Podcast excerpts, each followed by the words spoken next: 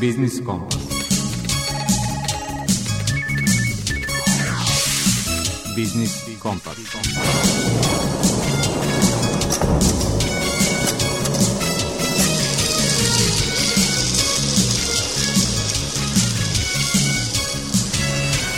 Pred mikrofonom je Đuro Vukilić.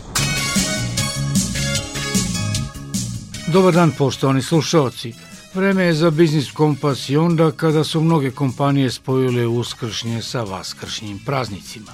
Srećni i verićetni da su jedni i drugi, a mi ćemo se ukratko upoznati sa sadržajem današnje emisije. U rubrici Aktuelno govorit ćemo o transformaciji elektroprivrede Srbije, šta je ko dobio, a šta izgubio. Sagovornica nam je urednica portala Energija Balkana Jelica Putniković. Gost autor rubrike iz mog ugla je Ksenija Hajduković iz Agencije za upravljanje lukama. Govorit će o ekonomskom značaju projekta za plovi Srbijom, posebno o efektima razvoja nautičkog turizma.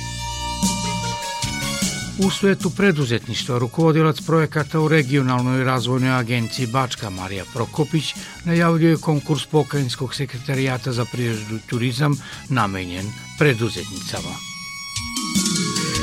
Uporedo sa rastom referentnih kamata kod nas i u Evropi, koje poskupljuju i otežavaju otplatu kredita, Narodna banka je donela više protiv mera kako bi predupredila rast problematičnih kredita – O tome u rubrici Predmet financije govori glavni analitičar u sektoru za kontrolu poslovanja banaka u Narodnoj banci Nevena Sokolović.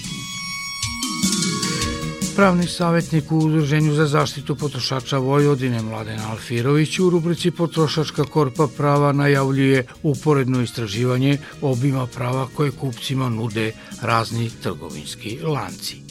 Sledi muzička pauza, a potom i najavljena rubrika Aktuelno.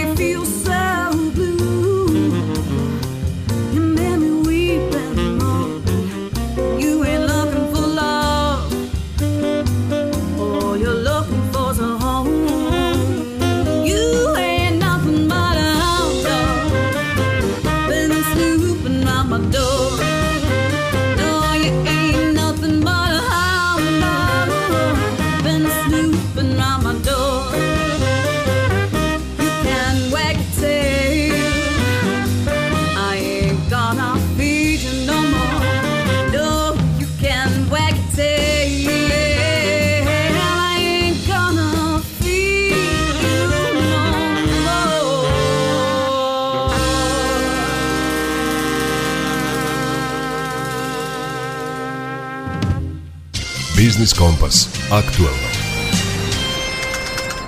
Posle višenedeljne rasprave i brojnih suprostavljenih stavova sindikata EPS-a i velikog dela stručne javnosti s jedne i vlade, odnosno resornog ministarstva s druge strane, usvojen je statut elektroprivrede Srbije.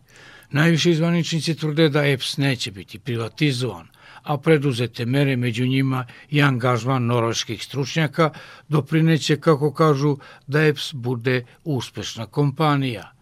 Urednica portala Energije Balkana Jelica Putniković podsjeća da je priča o transformaciji EPS-a započeta previše od decenije i umesto obećane brzine dočeka smo da se izdešavaju korona, rusko-ukrajinski rat i energetska kriza – o najvažnijim rešenjima u novom statutu EPS-a, Putniković kaže. Mi ćemo zapravo imati elektroprivredu Srbije u kojoj će i dalje glavnu reč voditi vlada Srbije kao zastupnik države većinskog akcionara. I to 100% vlasništvo države, mislim da je najbolja varijanta da EPS ne bude privatizovan jer se čuju komentari nekih ljudi, pogotovo iz političkih krugova opozicije, da je ovo du privatizaciju. E, ja se nadam da je ministar financija Siniša Mali kada je pričao o tome da EPS sigurno neće biti privatizovan, da je to zaista strategija koju oni najavljuju od maja, znači nova strategija EPSA AD i da tu neće biti ni govora ni o kakvoj budućoj privatizaciji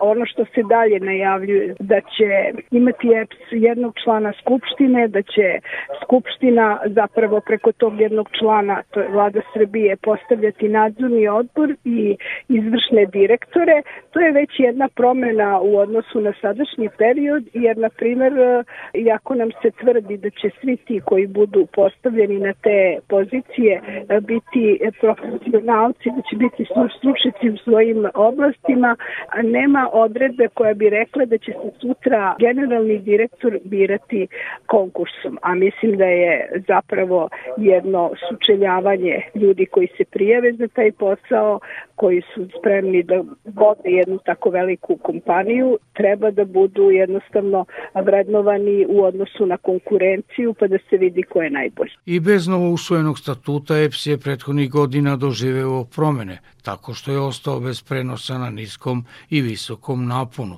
kojima se sada bave kompanije Elektrodistribucija Srbije i Elektromreža Srbije. Hoće li sledeći korak biti izdvajanje EPS snabdevanja? Bude li, to će biti udarac u same temelje EPS-a, upozorava Jelica Putniković. To bi bilo veoma loše, čak pogubno za elektroprivredu Srbije, jer onda znači da bi EPS prodavao struju koju proizvede onima koji hoće da kupe od EPS-a. Ovako preko EPS nabdevanja EPS može da trguje električnom energijom u zemlji i da je prodaje u konkurenciji sa trgovcima električne energije koji prodaju privredi. Mi naravno sada od kada je krenula ova energija takvu situaciju da je država donela odluku da privredi pomogne tako što je naredila EPS-u po kojoj ceni će prodavati struju privredi, pa tu nema prostora za trgovce jer oni naravno neće da rade na svoju štetu i sad oni koji kažu pa i EPS ne radi na svoju štetu jer ima on tu zarade. Ima zarade, ali na primer da je EPS nema obavezu i garantovanog snabdevanja potrošača iz kategorije domaćinstva i obavezu snabdevanja privrede električnom energijom, on bi mogao struju koju proizvede na tržištu da proda mnogo skuplje, jer znamo da je cena jednog megavat sata prošle godine išla i na iznose veće od 600 evra po megavat satu. Znači, ako se sada iz EPS-a izdvojilo EPS snabdevanje i ponavljam, to je ono čega se mnogi plaše, EPS jednostavno ne bi mogao da bude u buduće uspešna profitabilna kompanija to bi bilo toliko pogrešno da bi kroz neki period zapravo EPS ostao bez mogućnosti da investira u nove kapacitete i to bi jednostavno pogodovalo samo trgovcima električne energije. Znači, država ako hoće najbolju odluku da donese za EPS jeste da ga pusti da se on razvije onako kako se razvijaju kompanije koje imaju sve te segmente i proizvodnju i prodaju električne energije. Ne bez ponosa iz EPS-a su prethodnih dana plasirali informaciju o izvozu struje koji je od početka godine dostigao 50 miliona evra. Ministar financija Siniša Mali najavljuje do kraja maja strategiju razvoja EPS-a i tvrdi da nacionalna elektroprivreda može do 2030. da dostigne proizvodnju 45% struje iz obnovljivih izvora. Naša sagovornica procenjuje da taj procenat nije nerealan, ali uz određene uslove. Da je država pomagala elektroprivredi Srbije u izgradnji kapaciteta za proizvodnju obnovljivih izvora energije, kao što je davala mogućnost privatnim investitorima kad su građeni prvi vetroparkovi uz feeding tarife i prve solarne elektrane uz feeding tarife, EPS bi to izgradio. Mi znamo da je bilo najava iz EPS-a već i više od 10 godina unazad da će se graditi vetroparkovi i solarne farme, međutim uvek je tu nešto bilo zakočeno i zapravo nije država insistirala na tome da se to sprovodi jer se bavila nekim drugim stvarima. Onda smo imali, na primjer, kada je sad krenula kriza početkom prošle godine, imali smo optužbe da EPS nije izgradio ni jedan novi kapacitet duže od tri decenije, bilo je puno priče o tome, ali kažem, pošto je država upravljala EPS-om, otkad je napravljeno početkom 90. godina iz Združene elektroprivrede Srbije, uvek je neka vlada Srbije određivala šta će se raditi. Znači, EPS i sada ima 30% zelene struje iz hidropotencijala i znači nije taj procenat od 45% teško dostići. Potrebno je samo da se jednostavno pusti EPS da ono što se planira, znamo da je EPS napravio svoj plan razvoja koji je baš zeleni put EPS-a. Znači, ako će vlada Srbije slušati stručnjake iz EPS-a, ona će mu im pomoći da se to završi. E, šta konkretno mislim? Imali smo situaciju da je pre dve godine bila najavljena da će se graditi solarna elektrana na pepelištu u Kostolcu. Pa je onda taj prvi tender zapravo stopiran jer je država imala neke druge planove sa EPS-om ne treba zaboraviti ni to da jednostavno je EPS morao da ulože u nešto drugo, e, nije ulagao u te kapacitete. Priča se, podsjetit ću, već skoro dve godine o tome da treba graditi reverzibilnu hidroelektranu Bistricu 2.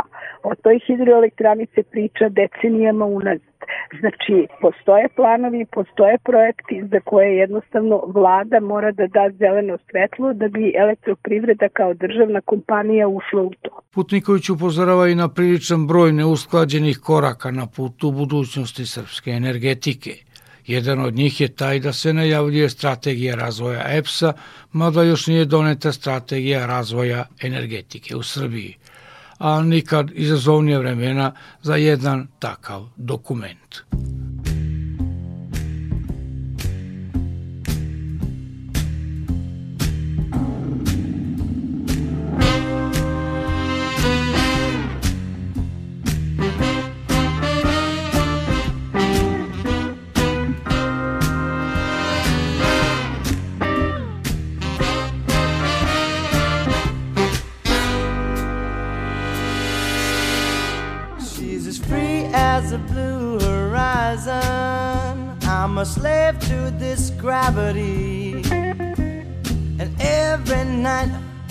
Hope and pray she'll bring back down to me. I keep my eyes on the stars. I track the heavens above my lonely world. I'm tracking her trajectory. She's my baby. She's my little satellite. We met at the Luna Hilton on a sea of tranquility. And maybe I was dreaming, but we were shacked up at the honeymoon suite. She was a wonderful girl. It was a heavenly night. But the stars were wrong. I woke up, she was gone like a memory just out of sight. She's my little satellite. I look for a sign where the star that shines in the twilight. Constantly searching the constellations, trying to determine her destination. Since I let her drift away. My heart is always lost in space. She's my baby, she's my little satellite. I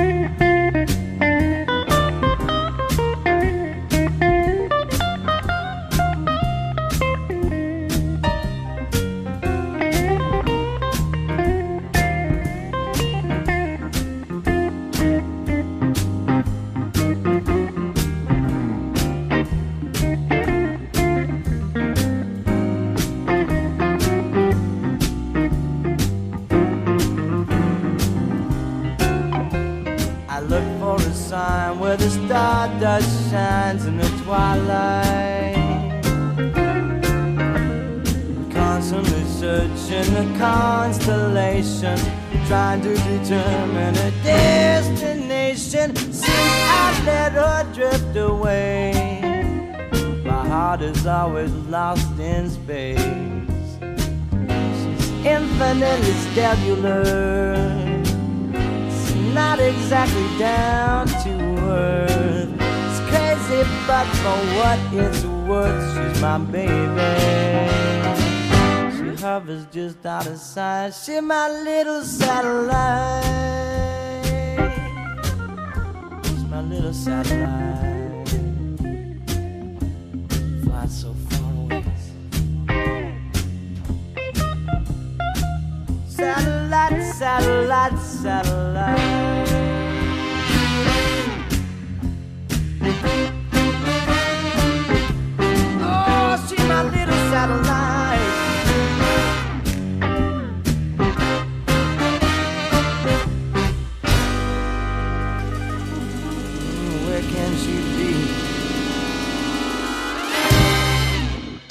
Biznis Kompas iz mog ugla. Plovni putevi su izuzetno važan privredni resurs kao najjeftiniji vid saobraćaja, ali i zbog izuzetno velikog turističkog potencijala. Konkretno, u Evropi se nautičkim turizmom bavi više od 37.000 preduzeća sa oko 300.000 zaposlenih. Evropska statistika beleži i oko 10.000 marina sa oko milion vezova. Da bi Srbija postala deo te priče, pokrenut je projekat nazvan Zaplovimo Srbijom. O njemu u rubrici iz mog ugla govori Ksenija Hajduković iz Agencije za upravljanje lukama. Pre svega, kada govorimo o infrastrukturi za nautički saobraćaj, moramo pomenuti marine. One predstavljaju značajne objekte u funkciji nautičkog saobraćaja, imajući u vidu njihovu orijentisanost ka turistima. Naime, korisnicima marina su pored usluga vezanih za održavanje i snabdevanje plovila na raspolaganju različiti komercijalni sadržaji i u mogućnosti su da svakodnevno učestvuju u raznovrsnim rekreativnim i turističkim dešavanjima. Samim tim moderno opremljene marine utiču na zadovoljstvo korisnika i produžavaju njihov boravak na jednoj lokaciji. Vratimo se na pitanje s početka. Zašto zaplovi Srbijom? Pre svega govorimo o velikim nautičkim potencijalima naše zemlje. Kao što znamo, Srbija ima povoljan geografski položaj sa gustom mrežom plovnih puteva. Kroz nju protiču dve međunarodne reke Dunav i Sava i jedna međudržavna reka Tisa. Pored toga, Srbija ima i oko 650 km kanalske mreže koju je potrebno iskoristiti. Pored toga, na obalama Dunava i Save u našoj zemlji nalazi se bogato i kulturno i istorijsko nasledđe. Tu su različite tvrđave, različiti religijski objekti, potom arheološka nalazišta. Osim toga, nautika je strateški važan sektor za razvoj turističke privrede. Reći ćemo samo da strategija razvoja vodnog saobraćaja i strategija razvoja turizma Republike Srbije navode da je širenje mreže marina i pristana za rekreativna plovila neophodna mera za razvoj življavanja nautičke privrede u Republike Srbije u celini. Naravno, cilj Agencije za upravljanje lukama i vlade Srbije na ovom projektu da našu zemlju, Republiku Srbiju, ucrtamo na nautičke mape u Evrope i u svetu. Šta su to ciljevi projekta? Ciljevi projekta su pre svega izgradnja nedostajuće nautičke infrastrukture. Tu govorimo o međunarodnim putničkim pristaništima i samo bih htela da se osvrnem na činjenicu da je u našoj zemlji do pre 20 godina radilo samo jedno međunarodno putničko pristanište i to u Beogradu. Danas ih imamo osam. U Beogradu, Novom Sadu, Donjem Milanovcu, Smederevu, Kladovu, Golubcu, Kostolcu i Sremskoj Mitrovici. Naravno, kroz projekat ćemo raditi i na razvoju drugih međunarodnih putničkih pristaništa, jer pomenut ćemo samo da smo 2019. godine u rekordnoj nautičkoj sezoni imali 1542 pristajanje kruzera i više od 208.000 putnika koji su našu zemlju posetili sa vode. Nakon obustave krstaranja zbog pandemije, prošlogodišnji rezultati, da smo ostvarili 1419 pristajanja, nam negde e, ukazuju da se kruzing oporavio i da su, da kažemo, turisti željni naše pristaništa, naše zemlje i da se upoznaju sa svim onim što leži na obalama reka. Osim toga, jedan od cilj projekata, kada govorimo o izgradnji nedostajeće nautičke infrastrukture, je i izgradnja marina. Gradit će se marine na Dunavu i to u Kladovu, Velikom gradištu, Smederevu, Somboru i Golubcu. Osim toga, projekat će se baviti i izgradnjom pontona za međunarodni domaći prekogranični linijski saobraćaj. Zašto međunarodni i, i prekogranični linijski saobraćaj? Linijski saobraćaj povezuje gradove i ljude i omogućit će domaćim i stranim turistima da upoznaju Srbiju sa vode. Zamislite samo idealan izlet, umesto gužvi na putevima, pronalaženja parkinga, praćenja navigacije, linijska plovidba nudi jedinstveno iskustvo posmatranja predela i uživanja u prirodi. Takođe, radit će se i na razvoju potencijala koje imamo kad su u pitanju kanali. Srbija je prokravljena kanalskom mrežom i samim tim kroz projekat ćemo se truditi da iskoristimo taj potencijal kao što su to uradile zemlje Zapadne Evrope.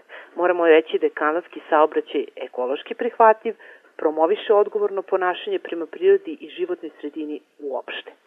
Osim projekata izgradnje nedostajuće infrastrukture, lokalne samouprave će kandidovati svoje projekte, razvijeti svoje projekte kroz uređenje staza, izgradnju vizitorskih centara, turističkih i rekreativnih sadržaja, jer osim infrastrukture jako je važno da turistima koji dolaze obezbedimo i bogatu ponudu na našim rekama kako bi oni dolazili i kako bi ostajali što duže u našoj zemlji. Kada govorimo o rezultatima projekta, projekat ima i ekonomsku i društvenu komponentu, što je jako važno istaći. Ekonomska komponenta se ogleda u povećanju prihoda od turizma i pratećih uslužnih delatnosti, kao što su ugostiteljske i sportske, otvaranju novih radnih mesta, mogućnosti za izgradnju hotela, restorana, turističkih kompleksa, benzinskih stanica i drugih. Pored navedenog omogućava se razvoj novih turističkih paketa, vinske ture, etno sela, putevi rimskih careva, čime se povećava promet kod proizvođača, lokalnih domaćina, turističkih znamenitosti, kao što su tvrđave i arheološki lokaliteti. Znači, kada govorimo o ekonomskim benefitima, to su povećanje broja turista koji Srbiju obilaze sa reka domaćih i inostranih i drugi očekivani rezultat projekta za plovi Srbijom kada govorimo o ekonomskom segmentu je povećanje prihoda od vodnog saobraćaja i uopšte udela nautike u ukupnim prihodima od turizma. Možemo slobodno reći da su reke naše šanse za bolje povezivanje, poboljšanje kvaliteta života i ekonomski razvoj.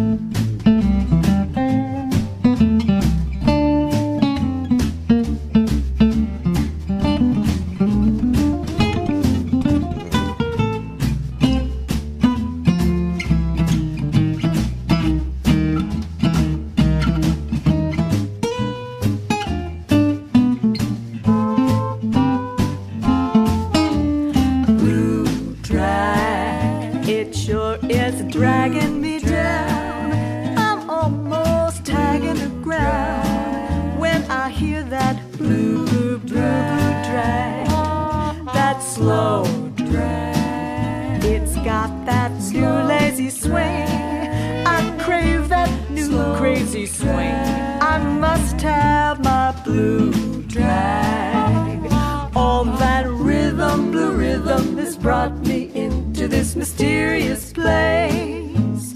All that rhythm, blue rhythm has got me into this peculiar days. I can't get enough of blue drag.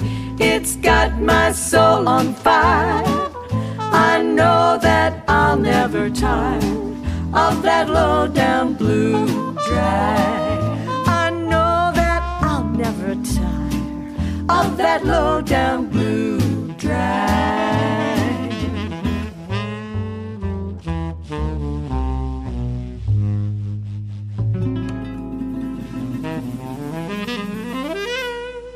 Biznis Kompas. Svet preduzetništva.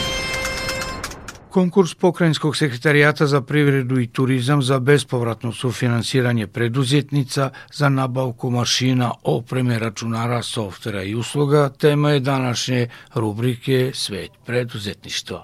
O uslovima konkursa govori rukovodilac projekata u regionalnoj razvojnoj agenciji Bačka Marija Prokopić. Cilj dodalje ovih bespovratnih sredstava je podrška ženskom preduzetništvu kao bitnog segmenta razvoja ukupne privrede i preduzetništva u AP Vojvodini. Pod ženskim preduzetništvom podrazumeva se preduzetnica, znači žena koja je osnovala preduzetničku radnju, ili privredno društvo čiji je vlasnik žena s najmanje 51% udela u istom i u kojem je žena odgovorno lice za poslovanje i upravljanje, odnosno direktor upisana u Agenciji za privredne registre. Javni konkurs za dodelu bezvržnih sredstava predstavlja osnov za dobijanje de minimis državne pomoći. Inače, sredstva se odobravaju po principu refundacije, a namenjena su za subvencionisanje troškova za nabavku mašina, opreme ili računarske opreme ili softvera ili usluge u 2023. godini i to ona koja su kupljena, isporučena i isplaćena u celosti u periodu od 24. marta 2022. godine do dana zaključenja javnog konkursa. Javni konkurs se zaključuje 18. aprila 2023. godine. Inače, što se tiče a, ostalih uslova, znači i dokumentacije koje je neophodno a, podneti po ovom konkursu može se videti na sajtu Pokrenjskog sekretarijata za privredu i turizam.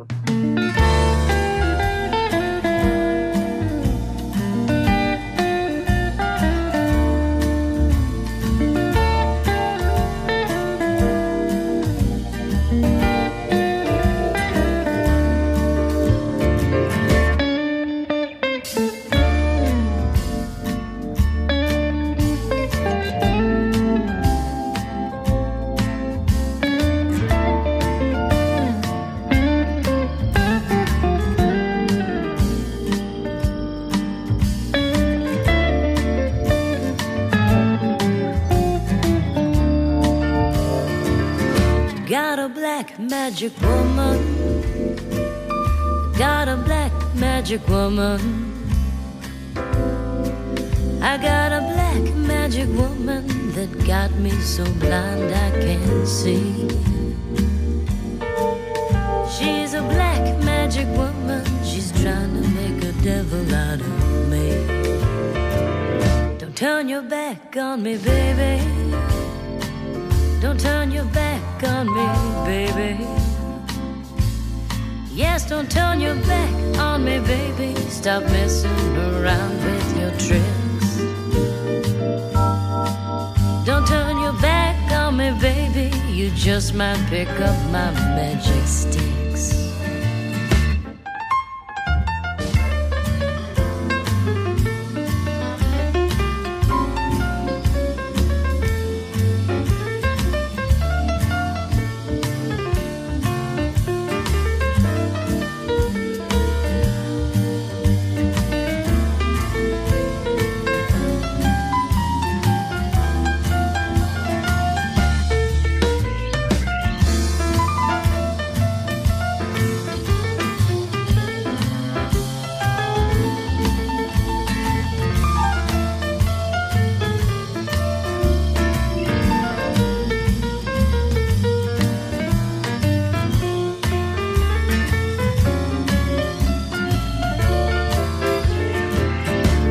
sticks. your spell on me, baby.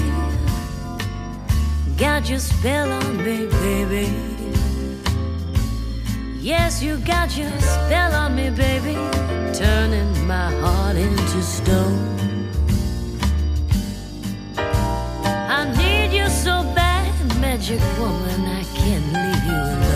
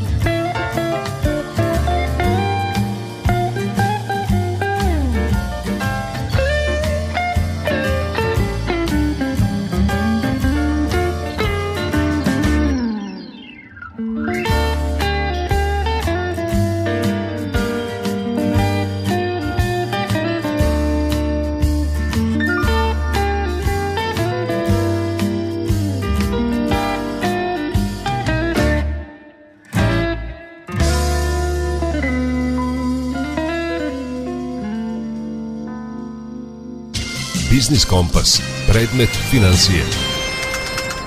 Uporedo sa povećanjem referentnih kamata kod nas u Evropi, što poskupljuje kredite i oteža otplatu, Narodna banka je donela više protimera kako bi predupredila rast problematičnih takozvanih NPL kredita i kako bi se izbjeglo ono krajnje kod stambenih kredita, a to je aktiviranje hipoteke. O tome u rubrici Predmet financije govori glavni analitičar bankarskog sektora u sektoru za kontrolu poslovanja banaka u Narodnoj banci Nevena Sokolović. Narodna banka Srbije u prethodnom periodu preduzela više aktivnosti svoje nadležnosti, odnosno kreirala je regulatorne uslove koji su doprineli povoljnije pozicije građana, a koji su pored rasta raspoloživog dohodka uticali na to da i u uslovima rasta referentnih kamatnih stopa građani ostanu uredne platiše po kreditima. U tom smislu pokazatelji ne ukazuju na probleme u otplati stambenih kredita, što potvrđuje kretanje učešća problematičnih kredita u ukupnim stambenim kreditima, koje se tokom cele 2022. godine kontinuirano smanjivalo, te na kraju 2022. godine iznosilo svega 1,5%.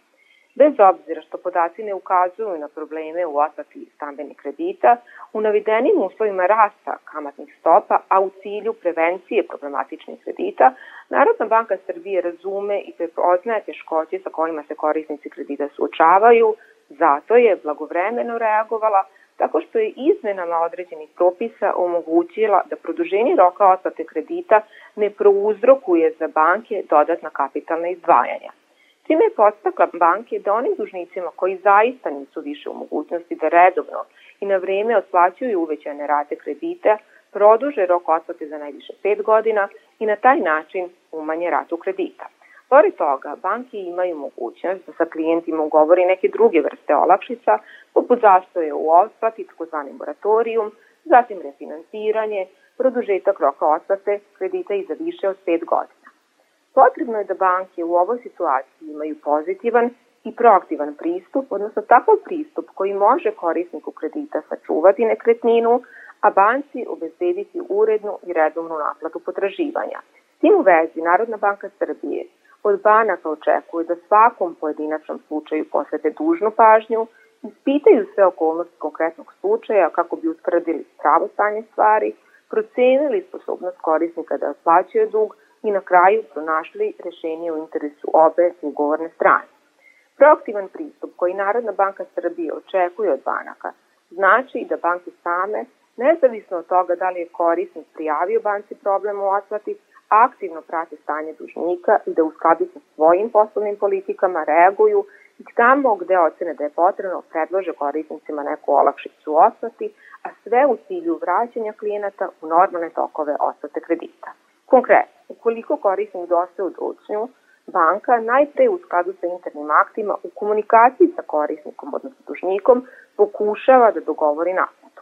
Nakon toga, ukoliko banka nije uspela ni na koji način da nađe rešenje i dalje smatra da dužnik neće biti u mogućnosti da izmeri obaveze prema banci u skladu sa politikama banke o naplati potraživanja i ugovorom zaključenim sa korisnikom kredita, banka kao krajnju meru može kredit proglasiti dospelem u celosti, može pokrenuti postupak naplate svog potraživanja prinudnim putem, odnosno aktivirati hipoteku i pokrenuti postupak prodaje nepokretnosti.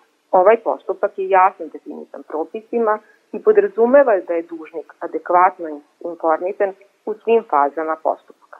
Banka može da namiri svoje potraživanje iz vrednosti nepokretnosti u van sudskom postupku namirenja koji se sprovodi u skladu sa zakonom o hipoteci ili s druge strane u sudskom postupku u skladu sa zakonom o izvršenju i obezbeđenju. Takođe, i u toku postupka prinudne naplate potraživanja dužnik može dobrovoljno da izmiri svoj dug do određene faze postupka i u tom slučaju se postupak prinudne naplate obustavlja. Na kraju bismo još jednom istakli da je aktiviranje hipoteke krajnja mera banke da se konkretno iz ovih 1,5% klijenata koji su problematični očekuje da će se naći adekvatno rešenje, da će klijenti u dogovoru sa bankom naći način da izmire svoj dug i da neće doći do aktiviranja hipoteke jer to nije u interesu nijedne ugovorne strane.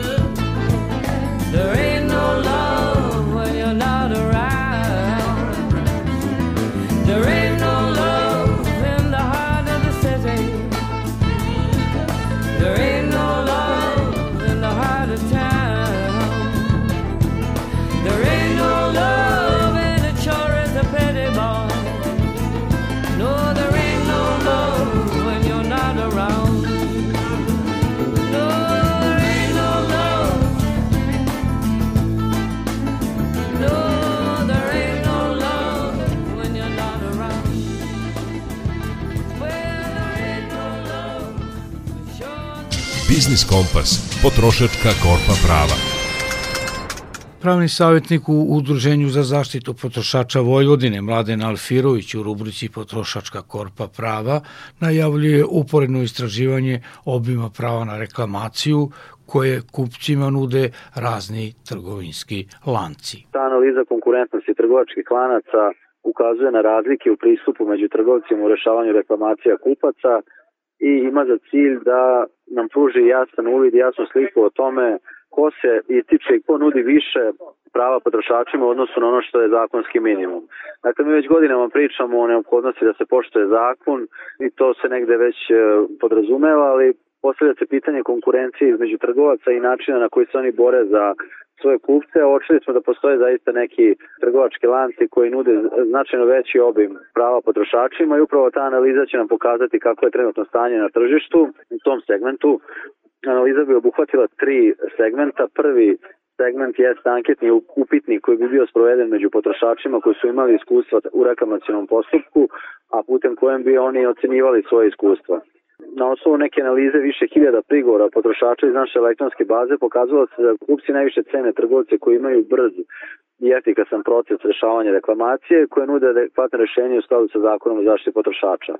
Takođe važna je dostupnost i ljubaznost osoblja, mogućnost povrata novca ili zamena proizvoda u što kraćim rokovima, kraćim od zakonom propisanih i takođe pitanje u vezi sa rešavanjem problema stoje na to da li je reklamacija uspešno rešena u skladu sa zahtevom, potrošači će biti u mogućnosti da ocene da li su bili zadovoljni tim rešenjem, da li njihov problem bio u potpunosti rešen, zatim pitanja koje se tiču samog procesa rešavanja, da li sve bilo jasno, transparentno i potrošači će biti u mogućnosti da ocene da li su obavešteni o svim koracima postupka, da li su imali jasne informacije o tome šta mogu očekivati i da li su upoznati sa svojim pravima kao potrošači i na koji način su im ponuđene opcije za rešavanje reklamacija.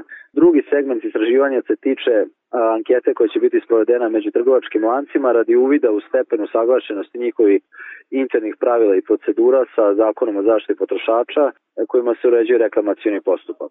E sad ono što je ključno i što je značajno za potrošače, to su da neka pitanja koje će sadržati taj anketni upitnik, a na prvom mestu se odnose na to da li postoji mogućnost da se proizvod reklamira bez posjedovanja računa ili kopije računa i kako je to omogućeno. Dakle, da li postoji mogućnost reklamiranja u maloprodenom objektu u kome nije obavljena kupovina, dakle da li možete da odnesete robu bilo gde u neku drugu prodavnicu ili samo tu gde ste kupili, da li recimo trgovci nude mogućnost da oni preuzmu robu na vaše kućne adrese ili morate lično da je donesete, da li se prilikom sprovođenja reklamacijnog postupka uzimaju lični podaci potrošača, koji lični podaci, na koji način su lični podaci zaštićeni? I da li postoje neke druge pogodnosti, ukoliko postoje, da li se koriste neke aplikacije e, za potrošači ili slično. Takođe, da li postoji mogućnost zamene robe ili povrata novca ukoliko je roba kupljena u maloprodanom objektu, a bez navođenja bilo kakvih razloga. Dakle, da li vam neki trgovci nude mogućnost da, da to zamenite u nekom roku, a da to nije vezano samo za neko oštećenje za, za reklamaciju. Sve ove prikupljene informacije bi se zatim analizirale kako bi se utvrdile ključne prednosti i slabosti svakog trgovačkog lanca u pogledu reklamacija, a ova analiza bi pomogla na prvom mestu kompanijama da prepoznaju oblasti u kojima treba da poboljšaju svoje procese, proizvode i usluge kako bi se bolje takmičili na tržištu, a ono što je ključno, a tiče se samih potrošača, jeste da prepoznaju one kompanije koje im zaista nude nešto više i neki veći obim prava u odnosu na zakon, pa da prosto pre nego što obave neku kupovinu znaju šta mogu da očekuju od određenih trgovaca na tržištu. Planirano vreme trajanja analize i projekta jeste naredna narednih 3 do 5 meseci u zavisnosti od obima tih anketnih upitnika i očekujemo da ćemo nakon tog detaljnog istraživanja imati jako važne informacije koje se tiču tržišta, konkurencije, ali i samog odnosa prema potrošačima većih trgovačkih lanaca u Srbiji.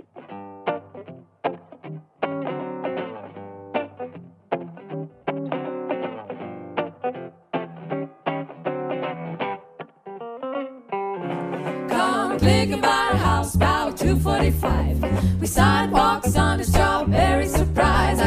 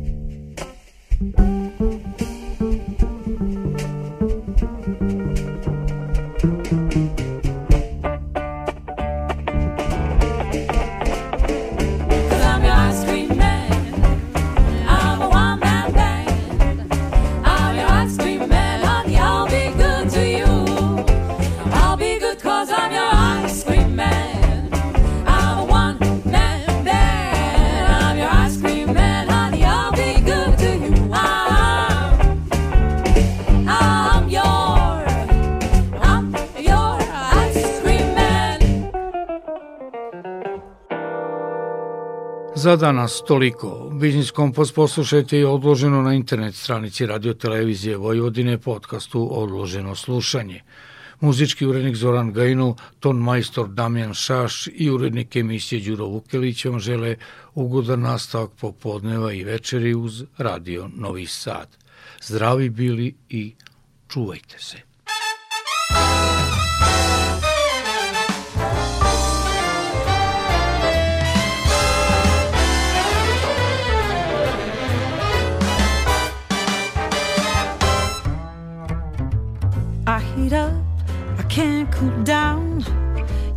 Me spinning round and round, round and round and round it goes.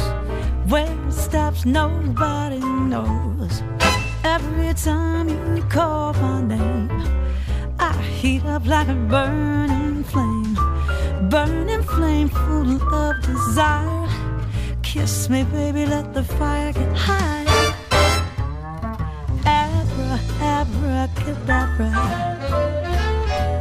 I wanna reach out and grab you. Abra, abracadabra. Abracadabra.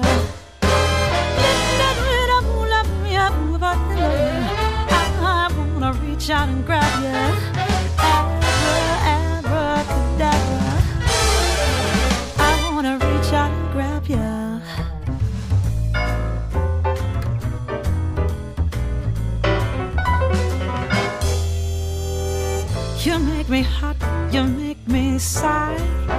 Make me laugh, baby, make me cry. Keep me burning for your love with a touch of velvet glove. I see the magic in your eyes, I hear the magic in your sighs.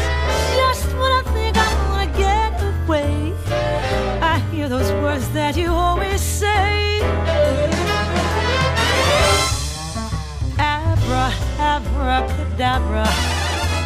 Yeah, I wanna reach out and grab you. Abra, abracadabra. I wanna reach out and grab.